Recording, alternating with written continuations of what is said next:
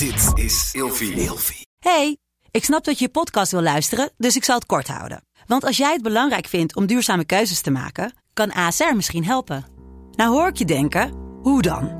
Nou, bijvoorbeeld bij het duurzaam herstellen van schade. Of de premies die we beleggen volgens ons duurzaam beleggingsbeleid. Dat bepaalt waar we wel en juist niet in investeren. Wil je meer weten over welke duurzame keuzes ASR maakt? Ga dan naar asr.nl slash duurzame keuzes. ASR doet het. Zo, dan kan je nu lekker naar je podcast luisteren.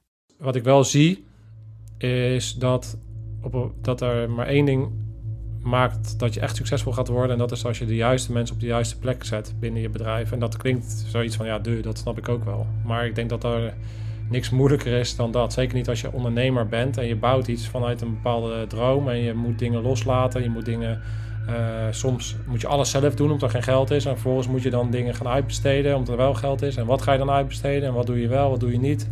Eh, want je, je kan ook ver- soort van verzinken in eh, bezig zijn met allerlei dingen waar je helemaal niet goed in bent, die je toch moet doen. En in die dy- dynamiek dan een team vormen, dat is wel heel lastig.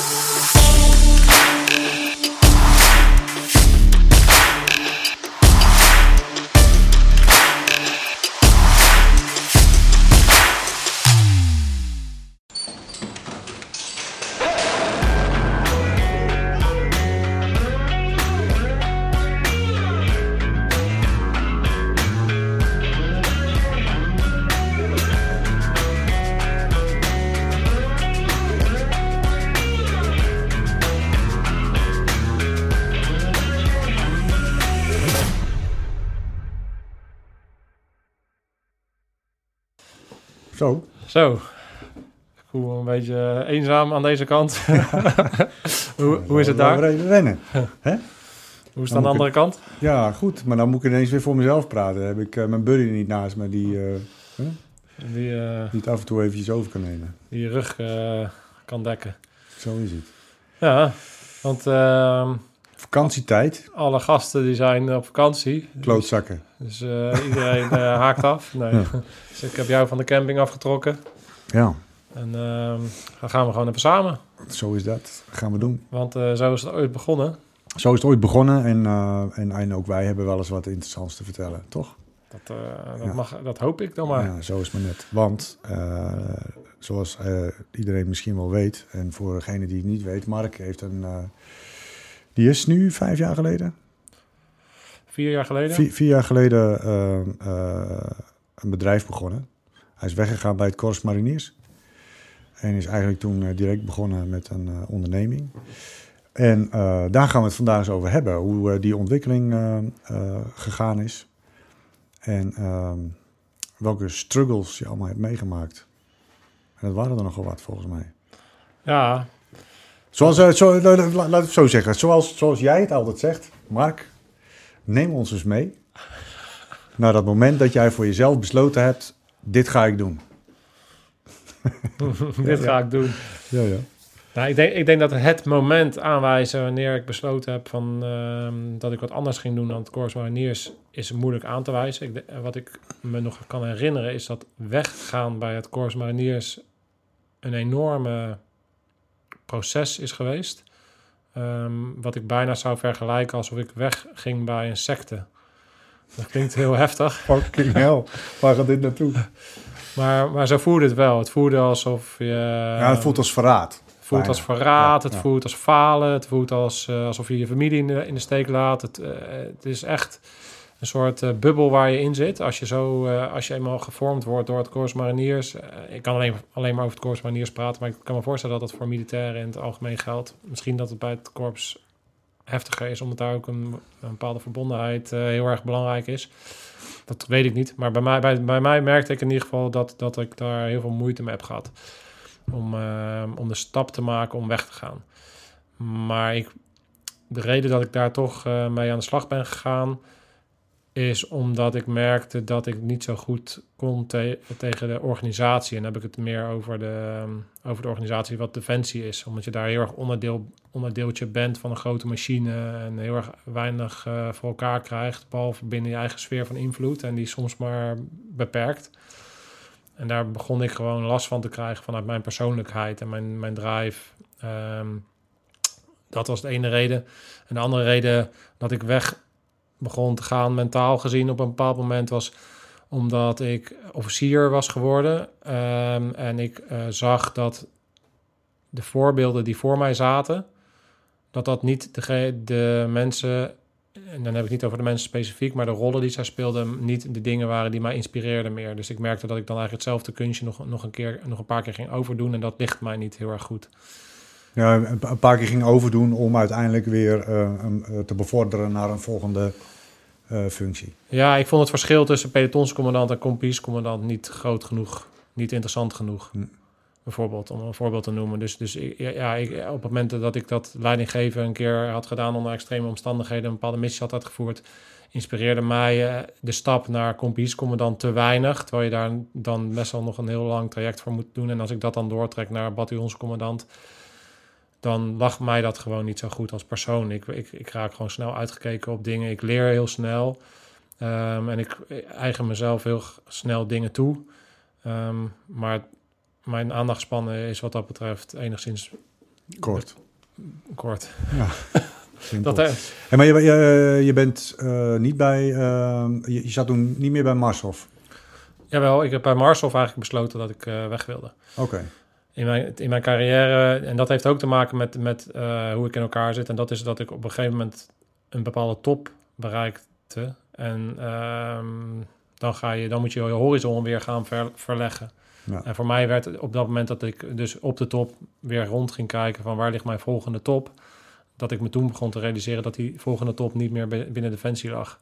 Dus toen ik ehm, bij de mariniers ging, dan is het heel makkelijk. Hè, want dan heb je een doel, ik wil marinier worden. En dan word je marinier. En dan vervolgens als je marinier bent, dan is, is het eigenlijk hetgene wat je wil doen, is meters maken. En dan wil je de bergtraining doen, dan wil je wintertraining doen. Dan wil je alle trainingen doen die je kan doen om jezelf beter te maken. En dan wordt het op een gegeven moment van, ik wil een missie doen. Maar ik had het, ik had het geluk dat ik eigenlijk al na een half jaar dat ik pelotonscommandant was. Dus na mijn, na mijn vijfjarige opleiding uh, ging ik al naar Afghanistan. Dus ik heb nooit lang hoeven wachten om op missie te gaan. Dus ik heb wat dat betreft echt een droomcarrière kunnen doen. En daardoor misschien ook een aantal stappen wat sneller kunnen door, doorlopen. Want na Afghanistan kon ik al me aanmelden bij de, bij de Special Forces opleiding. En, zo heb ik eigenlijk al die stapjes kunnen zetten. Waardoor ik op een gegeven moment na een aantal jaar um, op, op mijn top was gekomen. Want toen, toen ik begon als marinier, toen was, was er één top. En dat waren die mannen in die zwarte pakken met die bivakmutsen. Dat, dat was een soort van het summum waar, waar je naartoe wilde.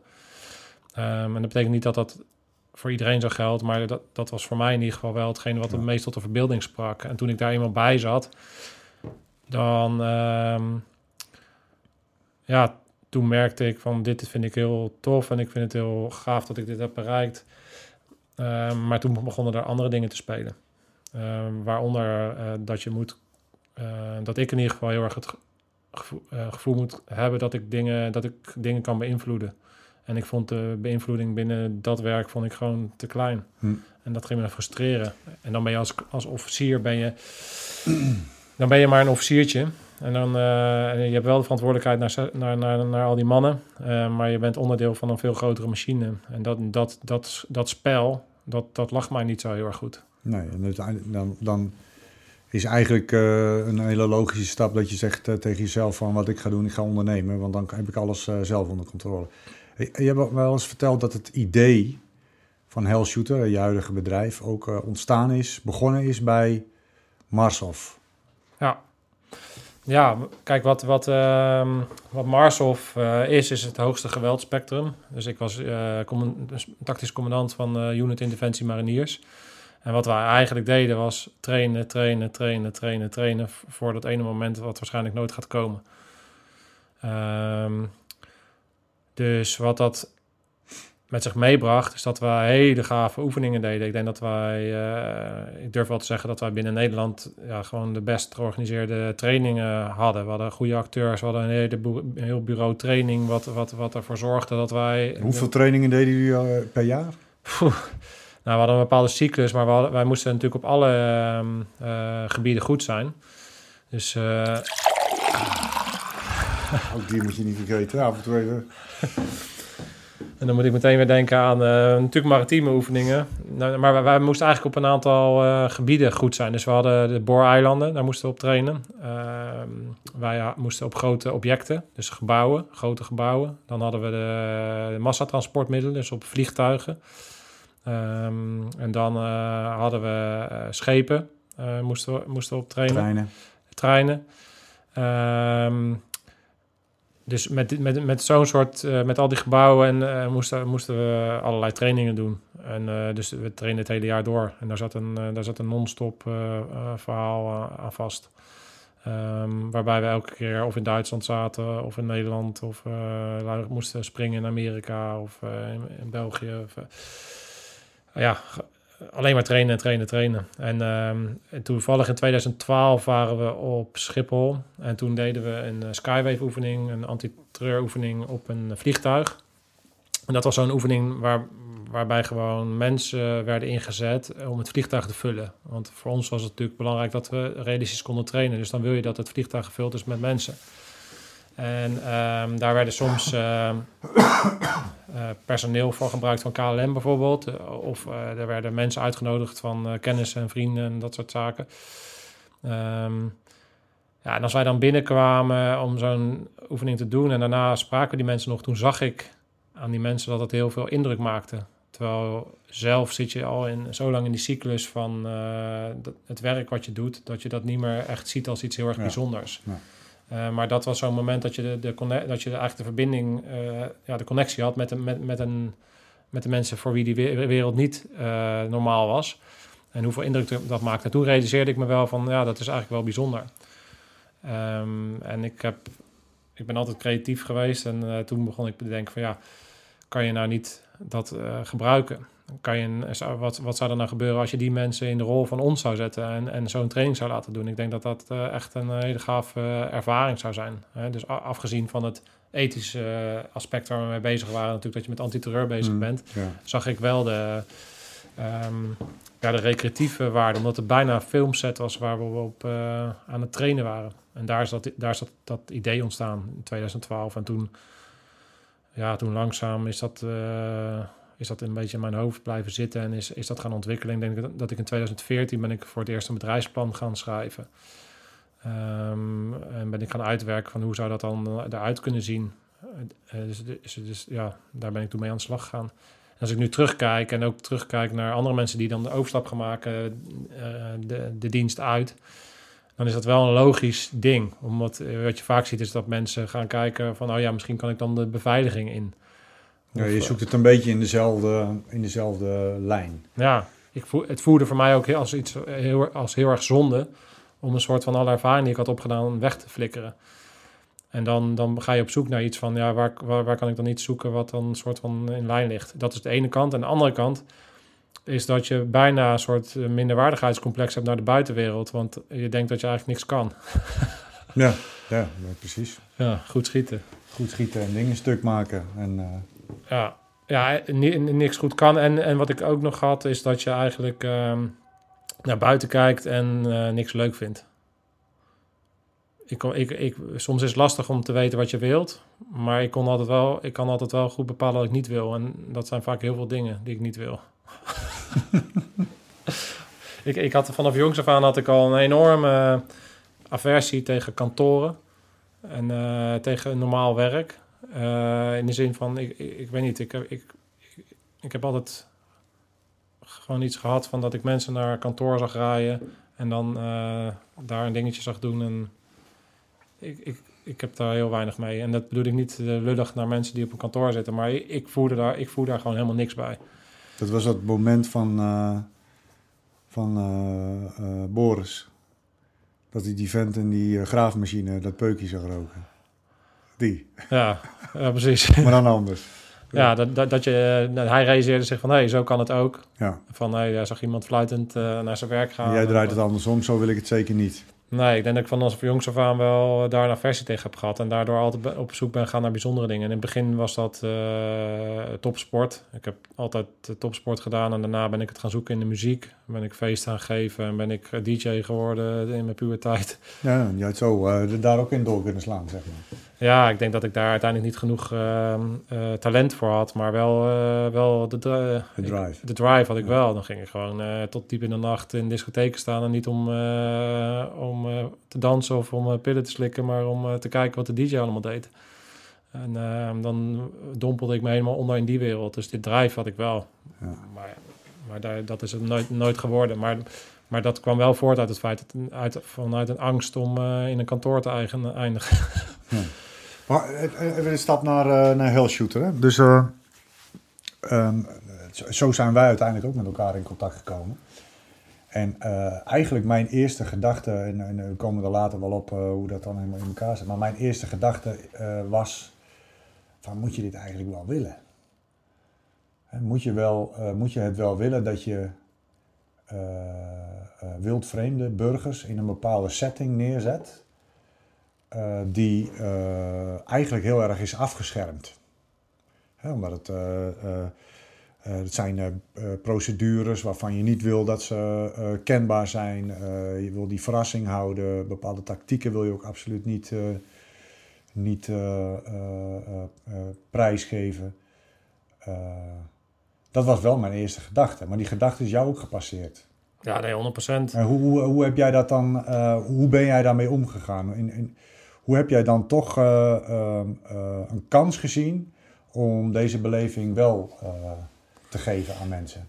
Nou ja, wat, wat je zag is dat de, op het moment dat ik het begon te ontwikkelen, toen in 2013 is de airsoft sport in Nederland onder bepaalde omstandigheden legaal gemaakt. Dus er is een uitzondering in de wet gekomen waardoor je airsoft mag spelen.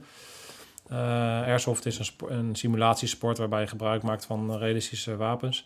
Of replica's noemen ze dat dan. eh Ja, plastic zoals balletjes eh, schiet. zoals dit hier op de achtergrond. En, en ik zag, ehm, eh, en de escape room, eerst de escape room werd gebouwd. Dus de- toen zag ik een soort van een branche ontstaan waarvan ik dacht, da- daar kan het wel. Ehm, eh, maar ik had inderdaad ehm, dat ik dacht van, ja, wat ze dus daar wel niet van vinden als iemand vanuit een antiterreur-eenheid ineens zoiets gaat doen. Eh, ik wilde niet een of andere eh, zo'n zo'n mafcase zijn die dan eh, in een ander trainingshuis gaat opzetten en allemaal lui, eh, ehm, gaat trainen of zo om eh, antiterreur te worden. Dus dat is, dat is niet wat ik wilde en dat is ook niet hoe ik het uiteindelijk heb neergezet. Wat ik vooral helder heb gekregen is van waarom wil ik dit? En de reden dat ik dit wilde is omdat ik mensen onder uitzonderlijke omstandigheden wilde uitdagen, omdat ik dat gevoel ken van wat is het nou met een team, met een aantal mensen op te werken naar Afghanistan en uiteindelijk eh, een instap te doen met elkaar, daar voor een deur te staan, deur in te trappen en naar binnen te gaan. Ehm, en dat gevoel heb ik centraal gesteld. Zeg maar. Ik kan me nog heel goed herinneren dat ik in 2008 met ons team eh, over, over een aantal assen, met, met, de, met de ANA's, eh, Afghaanse National Army eh, en de landmacht ondersteund, eh, dat we een instap deden. En dat ik, dat ik zo'n moment voordat we die deur binnen gingen, dat we niet wisten wat er in die kwala was, dat ik dat, dat gevoel kon ik heel erg terughalen Koala, dat is een, eh, een, Een huis. huisje. Ja. huisje. En dat gevoel heb ik centraal gesteld. En dat, toen heb ik bedacht, ja, het moet een beleving zijn. Het moet geen training zijn. Hè. Dus ik, ik, ik, train, ik, ik wilde geen mensen gaan trainen. Ik wilde mensen in de huid zetten van een, van, van een arrestatieteam of een antiterreureenheid. En hun het gevoel geven van, eh, doordat ze uitgedaagd worden, wat het met je doet als je samen een opdracht moet, moet, moet eh, uitvoeren en, en, dat gaat, gewoon gaat fixen, zeg maar. Of je nou getraind bent of niet, dat maakt dan eigenlijk geen kont uit. Dus ik heb eigenlijk gewoon de setting gebruikt en ehm, dat wel op een diepere laag willen brengen dan dat ik hier mensen ga opleiden of zo. Want dat, dat was dan mijn angst. Dat ik dacht van ja, misschien denken ze dan wel dat ik mensen ga, ga opleiden om uh, antiterreur-eenheid te worden of zo. Maar dat is niet wat we hier doen. Nee. Uh, dus zo heb ik hem, zo heb ik hem inge, ingezet. Ik dacht uh, dat het was er nog niet, bestond niet. Um, uh, dus, dus ik ben dat gewoon gaan. Ah, en je hebt een unieke achtergrond, dus je bent niet een een of andere Habibabi die denkt of, of die, die, die iets gaat uitproberen. De meesten die bekijken dat vanuit het feit dat ze airsofter zijn. Of dat ze die sport beoefenen en dan willen ze een bepaalde, zetten ze daar een bedrijf omheen. En dan zie je vaak dat het dus velden zijn waarop mensen dan uh, op elkaar gaan schieten. Of bepaalde, onder bepaalde regels met elkaar gaan schieten. Maar ik, ik was eigenlijk de enige die het op een andere manier aanliep. Omdat ik vanuit een andere wereld kwam. Voor mij was airsoft alleen maar een middel. En niet zozeer het einddoel. Dus snap je? Dus ja. uh, zij gezien echt van, dit airsoft moet airsoft zijn. Nee, ik zag alleen van, nou, airsoft is, is het middel wat het beste eh, voor mij werkt om eh, het doel te bereiken. En het doel voor mij is het belangrijkste dat mensen met elkaar een spannende ervaring hebben. Waardoor Ja, ze. precies. Airsoft is beschikbaar. Airsoft is eh, legaal. Eh, er zit een, een, een pijnprikkel in. En als je jezelf op de juiste manier beschermt, kan er eigenlijk niet zoveel fout gaan. Ja, ja, nou eh, airsoft is legaal, dat is niet helemaal waar. Het is dus een uitzondering in de wet en, eh, je moet dus als een sport beoefenen. Dus ik, ik voldoe ook aan alle eh, eisen die de NMBV, de Nationale Airsoft Belangenvereniging, die hebben dan bepaalde regels gesteld. En wij moeten dus ook aan allerlei eisen voldoen, dat het binnen die uitsluitingsgrond op de wet ehm, uitgevoerd kan worden. En dat, dat, dat, ja, dat, geeft je enigszins beperkingen. Maar gelukkig is er genoeg bewegingsvrijheid om daarin dit, deze activiteit te doen. Ehm, en ik ben daarvoor wapenhandelaar eh, ge- geworden. Dus ik heb, ik heb ehm, eh, papieren moeten halen om in de uitoefening van mijn bedrijf met een categorie 1 sub 7, wat, wat je hier achter je ziet, wat dus nooit op straat mag komen uiteraard. eh, waarbij je als bedrijf aan bepaalde eisen moet voldoen. Dus ik heb daar eh, ehm, ja, een jaar lang voor moeten studeren aan de politieacademie om, om dat te kunnen doen. Dus dus dat, dat kwam allemaal bij kijken. Terwijl, ja, dat, dat, eh, dat hoort er nou eenmaal bij. Dat is ook als je een bedrijf, als je, als je eenmaal ondernemer wordt, hè, dan wil je eigenlijk alleen maar bezig zijn met hetgene wat je, wat je bedenkt. Maar ondernemer eh, worden brengt even iets meer met zich mee. Eh, want je moet ineens heel veel skills gaan leren. Ik denk dat, ik- dat ik, afgezien van de periode in het begin bij de mariniers, nog nooit zoveel in een korte tijd heb moeten leren als toen ik ondernemer werd. Dat, dat, is, dat is echt eh, een soort Ja, sprong dan in kom het je diepe. kijken dan je denkt. Ja. Hey, en, ehm, eh, hoe is het allemaal begonnen? Hoe, is het, hoe, hoe heb je het letterlijk zeg maar, eh, van de grond gekregen? Dus eh, de- je hebt een bedrijfsplan geschreven. Dat de- deed je, had je, was je al aan het doen terwijl je nog bij het Corps Mariniers bent. Ja. En, en, en, en hoe, wat is dan de stap naar, naar, naar uitvoering? Nou, ik, ik, de- ik geloof in urgentie. Dus ik heb gewoon gezegd, ik kap ermee. Dus ik heb een ontslagbrief inge... En toen, toen moest ik wel, want ik eh, had gewoon eh, een situatie... Ik had natuurlijk gewoon geld nodig. Dus ik denk gewoon eh, dat je op een gegeven moment urgentie moet creëren. Dat is één. Eh, je schepen verbranden en dan moet je gewoon rammend voorwaarts gaan. Want als jij denkt van... eh, Voor mij werkt het ieder geval niet zo als jij iets op wil zetten. En eh, je ziet heel veel ondernemers die dan eh, beginnen met een beetje... en dan eh, dat dan langzaam een beetje uitbouwen ik geloof erin dat dat niet zo heel erg goed werkt. Ik denk dat je die urgentie moet creëren, dus dat heb ik gedaan. En ehm, het andere wat ik heb gedaan, en dat is een beetje op gevoel geweest, maar achteraf zie ik dat dat de enige weg is als je echt wil slagen in ondernemen. En dat is dat je eerst moet ver- verkopen en daarna pas moet gaan bouwen. Wat je heel veel ziet is dat mensen eerst eh, allerlei dingen gaan bouwen of die bedenken iets en die gaan dat dan allemaal heel veel geld en tijd en energie in- investeren om iets eh, neer te zetten. En dan pas gaan ze kijken of er markt is. Ik heb gezegd van nee, eh, ik verkoop het gewoon eerst. Dus ik had helemaal niks, behalve een idee. En ik heb een crowdfunding campagne opgezet. Daar heb ik eh, ja, wel- wat, wat, een klein beetje geld aan besteed om dat een beetje gelikt eruit te zien en een filmpje te maken. Maar minimaal. En daarbij heb ik gewoon gezegd, eh, dit is wie ik ben, eh, dit is wat ik wil en daar heb ik jullie voor nodig. En met de crowdfunding campagne heb ik niet al het geld opgehaald wat ik nodig had, maar ik heb wel succesvol geld opgehaald, 15.000 euro geloof ik. En eh, wat het belangrijkste daarmee, wat ik daarmee heb gedaan, is dat ik hetgene in beweging heb gezet eh, wat ik nodig had. En dat is dat je namelijk eh, klanten hebt die op je zitten te wachten, dus je moet dan iets voor elkaar gaan krijgen.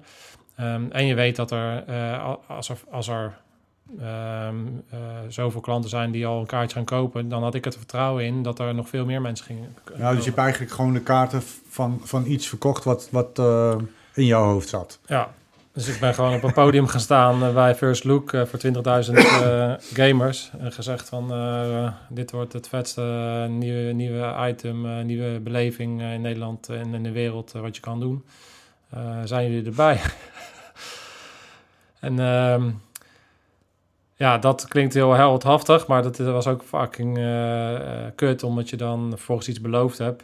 En eh, ja, ik ben ook een man van, van mijn woord, dus dan toen heeft dat wel weer een enorme druk gegeven om het dan ook daadwerkelijk te gaan creëren. En dat is niet zonder slag of stoot gegaan. Eh, uiteindelijk heb ik ook niet het volledig waar kunnen maken. Wa- Was pas een jaar later hebben mensen pas een beleving kunnen spelen in plaats van een half jaar later wat ik beloofd had.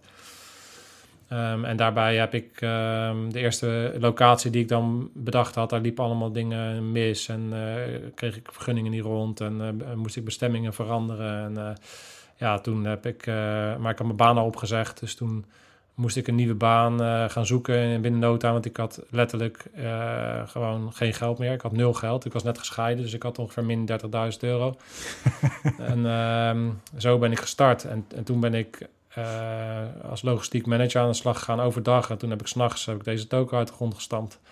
Samen met, met een compagnon die er toen bij was gekomen om, omdat ik hulp had gezocht. Ja, dat is, dat is ook wel de periode als je nog de Kickstarter-campagne ziet. En je kan ook nog wel terugkijken, een, een filmpje bij, bij de eerste keer dat ik op geen stijl kwam. En toen ook bij GameKings was ik toen. Ja, toen zag ik er echt heel slecht uit. En uh, toen werd ik zelfs, ik kan me nog wel herinneren dat op geen stel de eerste uh, comments kwamen. Dat ze ook zeiden van, uh, hoe kan deze vent nou bij SF gediend hebben? Zo'n fucking waaiboom, kijken hoe die eruit ziet. en ja, dat, dat, was, ja, dat was wel, dat was wel heftig, ja. Want dan je heb je zo'n zo'n doorzettingsvermogen ik had mezelf helemaal. Uh, ik was net zo lang doorgegaan tot ik, tot ik tussen zes plankjes had gelegen. Dus ik gewoon werk overdag en dan. toen ja, maar dat had je daarvoor ook gedaan. Dus, dus ik ken het niet anders. Ja. ja. Hey, even, ik, ik, als je kijkt naar het huidige hell shooter, je hebt veel mensen om je heen die als acteur ingezet worden en op andere uh, vlakken hier binnen het bedrijf. Ik denk, hoeveel mensen heb je een beetje zo onder de knop? Ja, 25. Ja, 25 man. Nou, dat, is, dat is aardig. Hoe ben je daar mee begonnen? Ik kan me niet voorstellen dat je in je eentje een... een nee. Je, je, hebt, je, je hebt mensen om je heen verzameld om te gaan werken. Ja, op een gegeven moment hadden we hier dus... Uh, ik had dan een compagnon in het begin. Die heb ik inmiddels... Uh, die is weer wat anders gaan doen. Die heb ik op een gegeven moment uitgekocht. Um, ja, toen hadden we... We zijn gewoon klein begonnen. Toen werkte ik gewoon zelf uh, altijd mee in de, in de beleving. En ehm, toen zijn we personeel gaan, gaan werven. Dus ik heb gewoon gevraagd van... een oproep gedaan van casting. En dan toen kwamen hier acteurs... En uh, toen hebben we de eerste casting gedaan. Toen zijn de eerste mensen eh, hier komen werken. En uh, ja, dan, dan krijg je weer allemaal dingen. Dan moet je ineens mensen uh, gaan aannemen. Arbo-diensten, vergunnen, verzekering, HR, contracten. moet je alles, alles, alles gaan regelen. En dat is als ondernemer. Ja, in het begin is geen, geen pepernoot te besteden. Dus je moet alles zelf doen. En ehm, ja, dat gaat met vallen, vallen opstaan.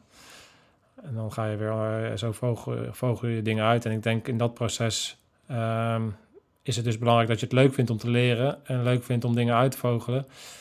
Want anders uh, dan ga je een zware tijd krijgen. Dus nou, dat is gewoon dingen uitvogelen en dan dingen neerzetten. Nou, en, zo, zo is dat gegroeid. In het begin uh, hadden we een paar boekingen per week en uh, nu hebben we tientallen boekingen per week. Ja, en weet je, dit winnen of leren, hè, dat is ook zo'n mooie uitspraak van jou. Ehm, hoe vaak heb je moeten leren? Ja, uh, iedere dag. Nog steeds iedere dag. En wat, wat, is de belangrijkste, uh, laat ik zo zeggen, een betere vraag. Wat is de belangrijkste les die je in de eerste periode uh, hebt meegenomen? De belangrijkste les in de eerste periode van, van mijn onderneming. Nou, dat is, dat is een uh, les die ik denk nog steeds aan het leren ben. En uh, uh, dat is dat je ehm, niet alles ehm, alleen hoeft te doen. dat, dat, blijft, dat vind, vind, ik nog steeds lastig, omdat ik heel, heel veel dingen naar me toe trek. En soms dat ook niet anders kan. En zeker in zo'n beginperiode. Maar ja, je, je, je merkt toch dat dingen pas echt gaan rollen op het moment dat je, dat je een team om je heen verzamelt. Het belangrijkste van ondernemen is ten eerste dat je het zelf, dat je zelf dingen moet bouwen.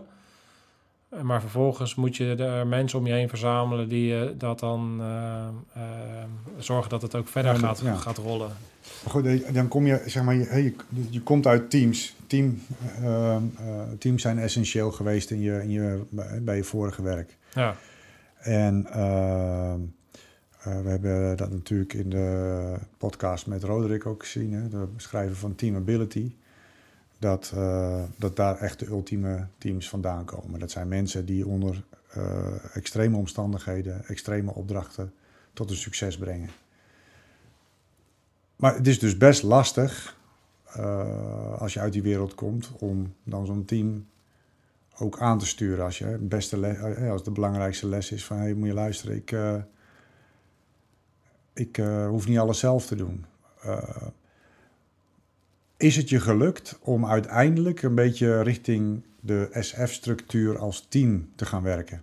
Dat is natuurlijk een, uh, een hele interessante vraag. Ik, ik, weet niet of dat voor iedereen geldt. Ik, kan natuurlijk, ik heb het dan nu alleen even over mezelf, maar ik heb daar uh, 100% moeite mee gehad. Kijk, binnen een, wereld als het Corps Mariniers is het zo duidelijk Um, ja, daar werk je in het begin natuurlijk heel erg vanuit jezelf. Want je moet, wil zelf marinier worden. Maar vanaf het begin word je ook inge, ingepeperd dat je elkaar nodig hebt. En werk je altijd binnen een teamstructuur. Maar als je eenmaal marinier bent, dan zijn de structuren ook heel erg duidelijk. Hè? Hmm. Dus dan, dan je weet altijd wat je aan elkaar hebt. Je weet altijd uh, wie welke rol heeft. Uh, er hoeft geen discussie te zijn over dat ik de pelotonscommandant ben en de, en de teamleaders en wat hun taken zijn en, en wat iedereen doet. Dat is allemaal zo erg duidelijk. En als jij als ondernemer gaat starten, dan ga je ten eerste ga je in een, in een veld aan het werk waarin dingen nieuw voor je zijn. Hè? Dus je bent niet meer met het werk bezig wat je allemaal wat je kent.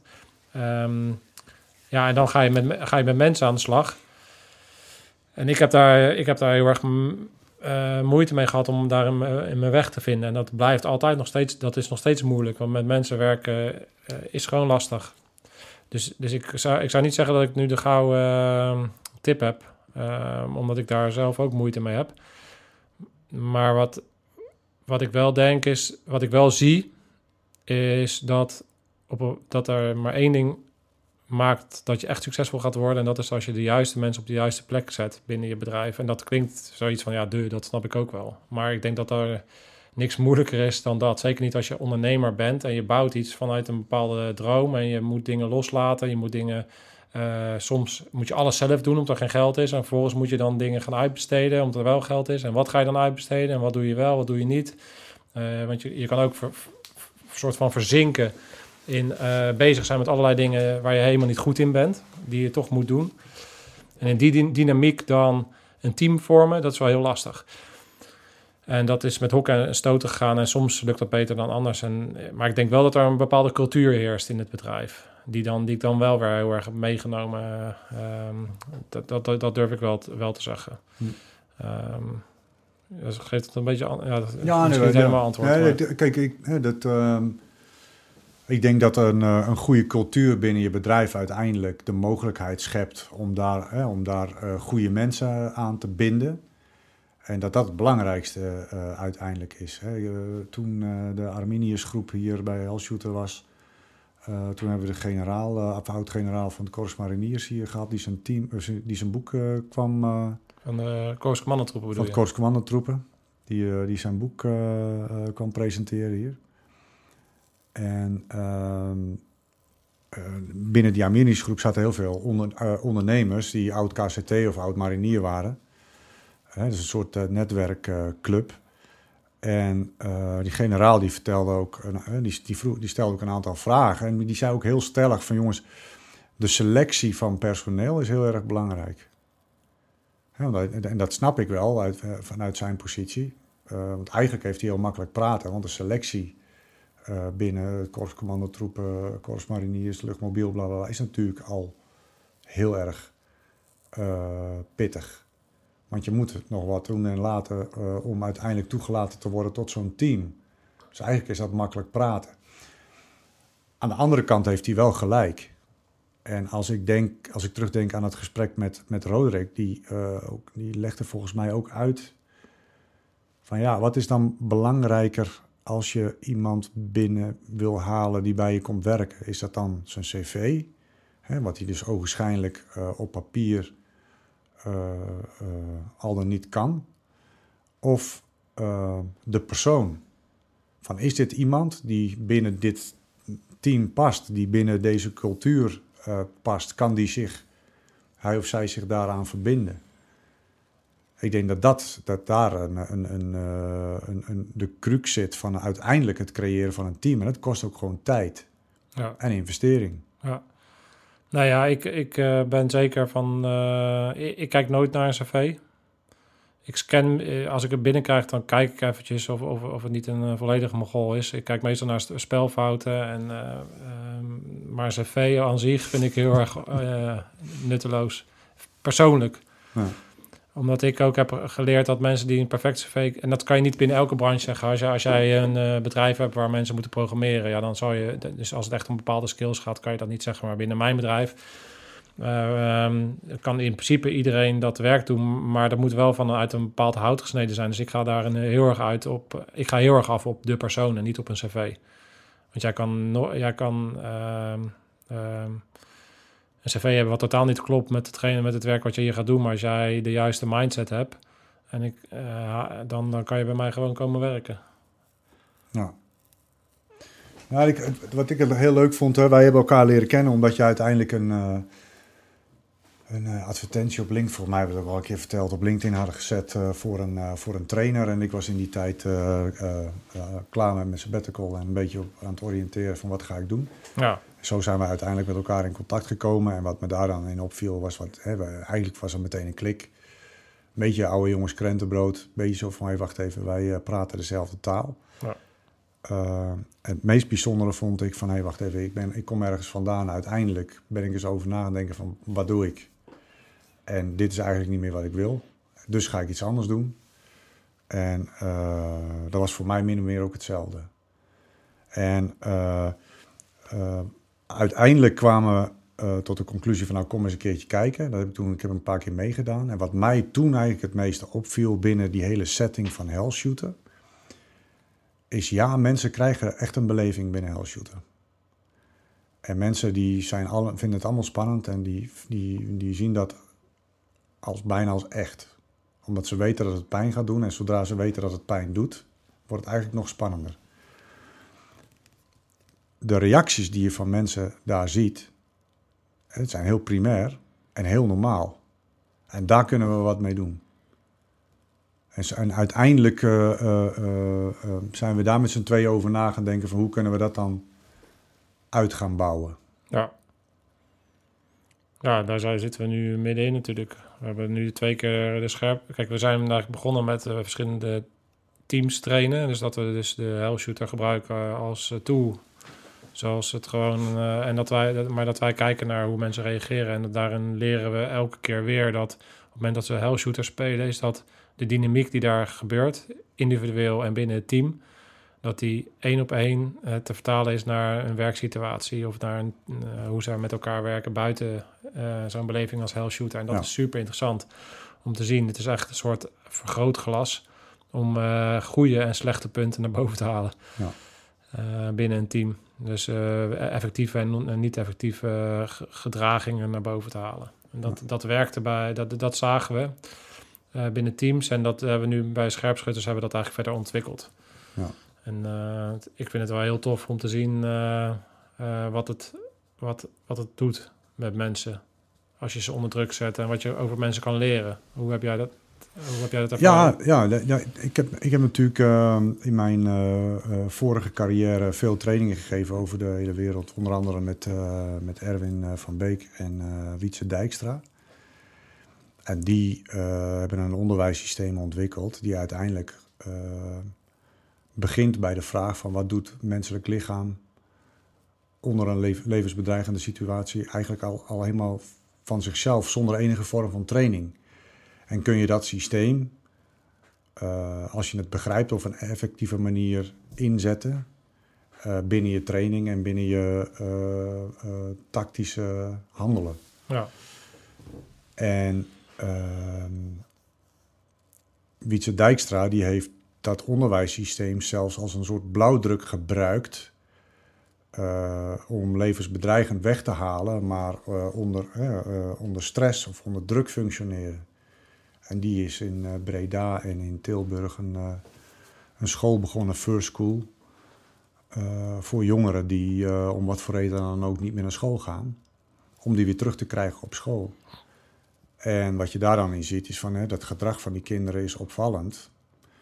Maar als je kijkt naar de kern van waar het gedrag vandaan komt, voor die kinderen heel normaal. Binnen, dus, dus hij gebruikt het daarvoor. Wat wij eigenlijk gedaan hebben, is hetzelfde systeem gebruiken om te kijken naar het gedrag van mensen als ze onder hoge druk functioneren. En eh hell shooter is ook gewoon fun om te doen, om samen iets spannends te doen met, elkaar. Is ook gewoon leuk. Maar zonder dat je het weet, laat je een bepaald gedrag zien. En door, door eh, eh, dat gedrag eh, te leren kennen, dus door een spiegel voor te houden van dit is wat je doet, Ja. Kun je eh, samen kijken van oké, is het effectief? Hè? Is het tactisch eh, eh, binnen een team of voor jezelf? Of kun je dat verbeteren? En wat voel je? Wat, wat zie je bij jezelf of wat zie je bij een ander? En wat heeft die, heb je zelf of heeft die no- nodig om dat gedrag effectiever richting een doelstelling te krijgen? Of Ja. e- effectiever in te zetten voor een team? Ja. En wat ik heel leuk vind, en dat zie je bij de scherpschutters experience die we ontwikkeld hebben heel sterk, is dat we een model hebben ontwikkeld eh, waarin we een soort special forces sausje hebben gegoten, waarin er door een bepaalde questionary mensen eh, dominant in een bepaald kwadrant voorkomen en dat dat ook eh, klopt met wat je ziet. Dus de druk die bij, bij Hellshooter ervaren wordt door mensen, is eh, meestal zo hoog dat mensen heel erg primair gedrag laten zien eh, eh, gedurende het spel Ja. en gedurende de training. Ja. ja, en dat het primaire gedrag dan dus ook alweer ook weer terug te leiden is naar dat kwadrant. Hè? Want we hebben dus vijf kwadranten. Eigenlijk, of vier kwadranten. En één is als je niet echt dominant op één kwadrant scoort. Dus je bent teamleader, je bent pointman, je bent medic, je bent navigator of je bent operator. En eh, die zijn dus, ehm, ja, die zeggen wat over jou. Ja. Ja, dat is, eh, daar hebben we de disk-model eigenlijk onder gelegd. En dan, dan gaan wij, het is inderdaad grappig om te zien als je twee teamleaders en een pointman en, en twee medics in een team, in team zet, om te zien dat het gedrag wat ze vertonen, het dominant gedrag wat ze vertonen, overeenkomt met, ehm, met hun eh, kwadrant. Want een medic die eh, is veel meer eh, op de achtergrond, veel meer empathisch, veel meer gaat hij kijken eh, ehm, bij, bij de gewonden bijvoorbeeld, of, Ja. of wat aan de hand is, of ehm, stelt zich veel dienstbaarder op dan een teamleader die alles zelf wil bepalen. Ja, en een navigator die stelt eigenwijze vragen of die trekt alles in twijfel. Ja, die denkt veel te veel na, Ja. vaak, in, in, in dit soort situaties. Te veel, maar die denken vaak allerlei keuzes eh, eh, door. Ja, nou ja, kijk, en binnen die, binnen die eh, eh, scherpschutters experience, hè, wat een individuele ervaring is, is dat heel leuk om meer over jezelf te weten te komen. Maar wat we natuurlijk ook doen, is die scherpschutters experience binnen bestaande teams aanbieden. Waarin we uh, naar aanleiding van die diskformule kijken naar wat de meest ideale uh, samenstelling zou zijn van een team uiteindelijk. Om, Ja. Uh, mensen te laten ervaren dat als je uh, gebruik maakt van elkaars uh, talenten en krachten, dat je uiteindelijk veel sneller tot resultaat komt. Ja. En tot een beter resultaat. Ja, ja, maar dat zie je ook altijd gebeuren als bepaalde rollen dus binnen hun eigen rol meer vertrouwd raken. Ja. En daarin de dingen gaan doen die binnen hun rol van ze verlangd wordt. En je zet dan de juiste, juiste rollen binnen een team. Ja, dat, dat is eigenlijk altijd de formule tot succes. Ja. Het is heel simpel. Uh, als je één teamleader hebt en ondersteunende teamleader, zeg maar de pointman-achtig iemand, die zit vaak in hetzelfde spectrum, maar uh, neemt even de rol even iets anders op. En de andere, uh, andere rollen ondersteunen daaronder. Dan, dan zie je ineens dat er een team gaat ontstaan wat aangestuurd wordt, wat de juiste dingen doet op het juiste moment, waarop ja. geluisterd wordt naar elkaar als het nodig is en ook gevolgd wordt als het nodig wordt, ja. nodig is. En dat, dat vind ik altijd wel magisch om te zien als dat dan samenvalt. Ja, en, en uh, binnen een, een, een, een, setting waar je als arrestatieteam mee te maken krijgt of als, als, antiterreureenheid, zie je dat het tactisch gezien en procedure technisch gezien gaat het natuurlijk heel vaak fout. Maar desondanks als je de juiste man of vrouw op de juiste plek zet. En er binnen een team eh, het vermogen bestaat om naar elkaar te luisteren en dat van elkaar te accepteren. eh, komen mensen toch tot verrassend goede en leuke resultaten. Ja, ja en daar gaat het eh, uit dat het tactisch niet goed gaat, is in bepaalde zin ook niet het, het belangrijkste. Het gaat er vooral om dat, de, dat het in de samenwerking en de mindset goed gaat. Ik bedoel, we hoeven geen. Eh, ze hoeven natuurlijk geen eh, volle, volle, vo- volleerd eh, arrestatieteam te zijn. Nee, natuurlijk niet. Hey, ehm, wat, mij het meest. ehm, jij bent een vreselijk creatieve vent, hè? Dus volgens mij zit daar ook een beetje jouw, jouw makken eh, in, je, in, in de, de spanningsboog. Hè? Dus Mhm. jij, jij ontwikkelt iets, je organiseert het, je ziet resultaat. En eigenlijk ben je dan alweer heel snel, eh, eh, het heel snel zat en wil je verder naar je volgende eh, ontwikkeling. Ehm Hellshooter is nu een bedrijf wat zeg maar volgens mij aan zijn vierde of vijfde episode start. Hè? Dus Ja. de zoveel tijd dan veranderen de, verhaallijnen. de, de, de verhaallijnen, zodat als je het gaaf vindt, je het niet continu hetzelfde spelletje hoeft te spelen. Ehm, wat is jouw volgende eh, stap? Blijft het hellshooter? Eh, waar, ben, jij, ben jij bezig? ehm, nou, laat ik zo zeggen, eh, waar gaat jouw creatief ons naartoe leiden?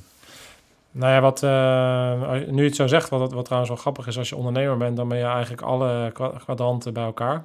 Als je, als je begint, dus dan ben je teamleader, pointman, navigator, medic en- Operator. en operator. Hmm. En, ehm, maar ik ben, ik ben een extreem ehm mate een teamleader.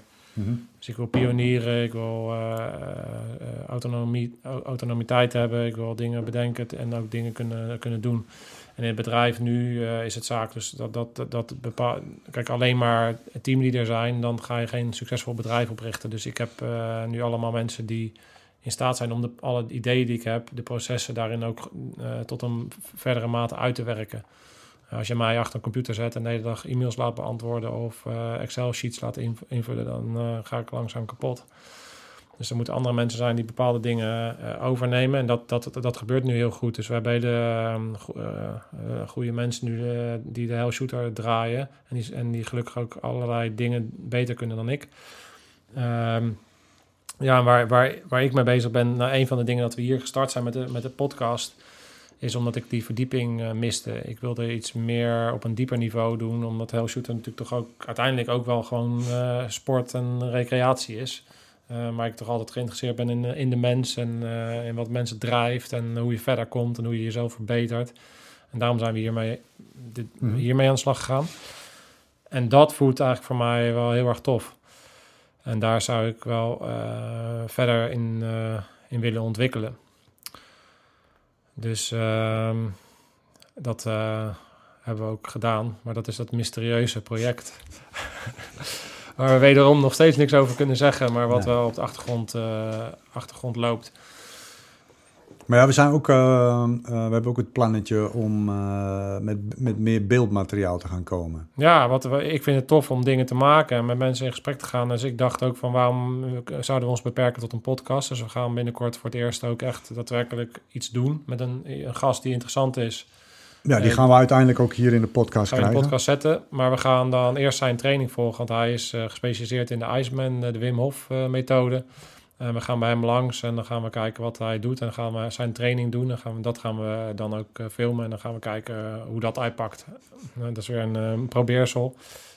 Maar ik denk dat er nog heel veel content is die ik zou willen maken. Die heel erg goed zou aansluiten hier. Niet mijn expertise, maar ik denk ook dat we de zwarte humor in beeld zouden, zou, zouden kunnen brengen. Bijvoorbeeld die bij, bij Jan Kaas en bij Militaire leeft. Door bepaalde sketches te doen. Ehm, dat, uh, dat, ja, dat, dat soort ideeën krijg ik dan. En dat, daar, dus, dus ik denk dat we meer content gaan leveren dan alleen maar podcast. Ja. Maar dat, dat, dat moet je ook gewoon gaan proberen om te kijken of daar dan markt voor is.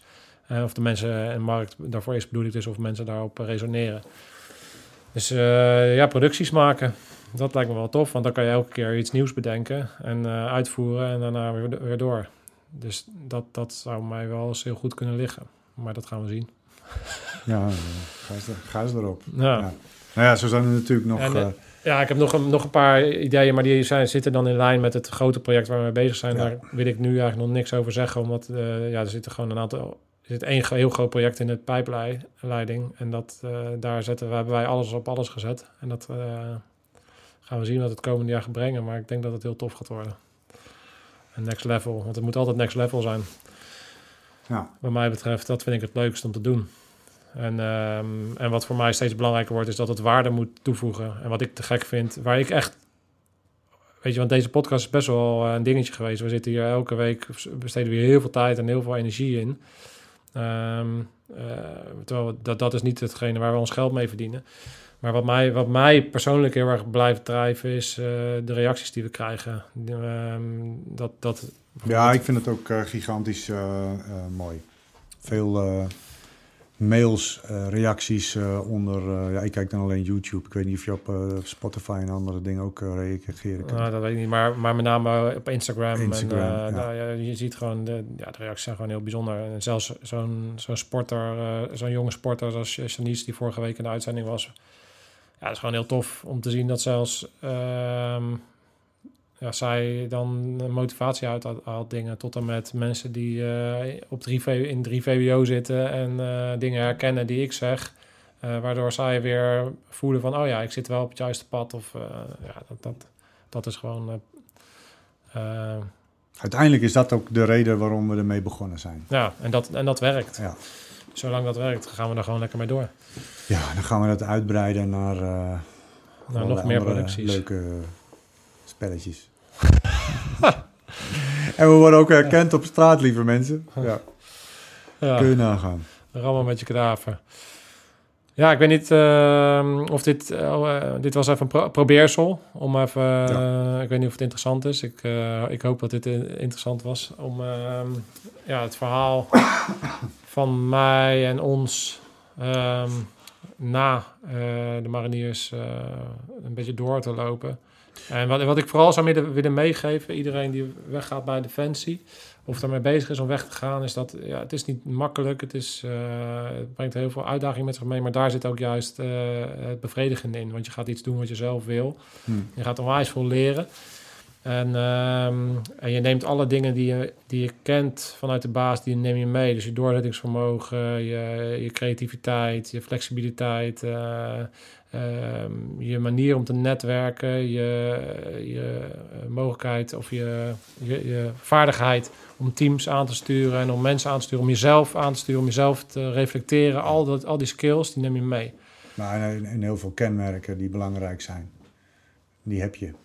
Ja, Ja. dus, dus, dus dat, dat zou ik wel tegen iedereen willen zeggen die die stap eh, wil gaan maken, is dat het, eh, dat het het waard is. Maar je moet wel eh, een paar kneepjes leren die ervoor zorgen dat je succesvol wordt. Want uiteindelijk moet je gewoon je, je geld verdienen.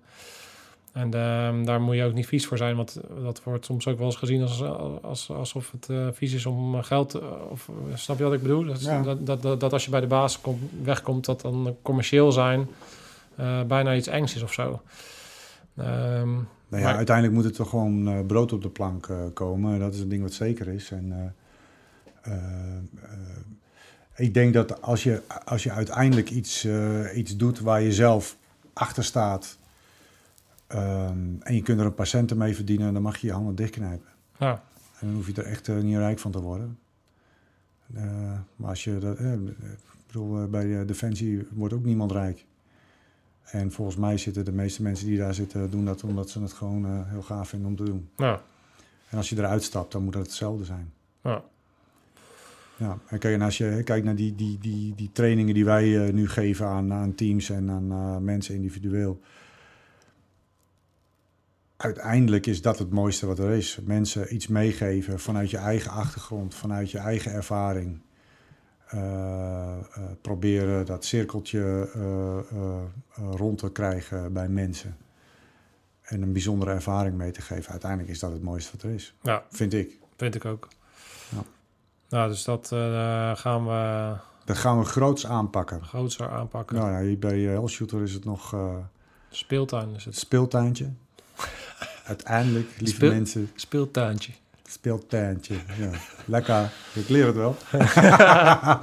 Als hij tegenover een Amsterdammer zit, gaat hij Amsterdams praten. En tegenover een Hagenees gaat hij ineens eh, Haags praten. Tuurlijk, ja. Oh, nee, mijn- zwager, die staat ook op de camping. Die is ook aangenees. Ah, dus, eh, kijk.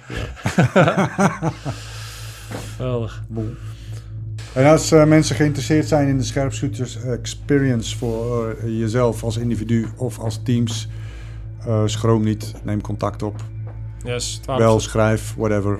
12 Ah. september hebben we de, de eerste weer eh, staan. Er zijn nog een eh, paar kaarten zum kaufen. En eh, Dan eh we jullie onder handen. ja.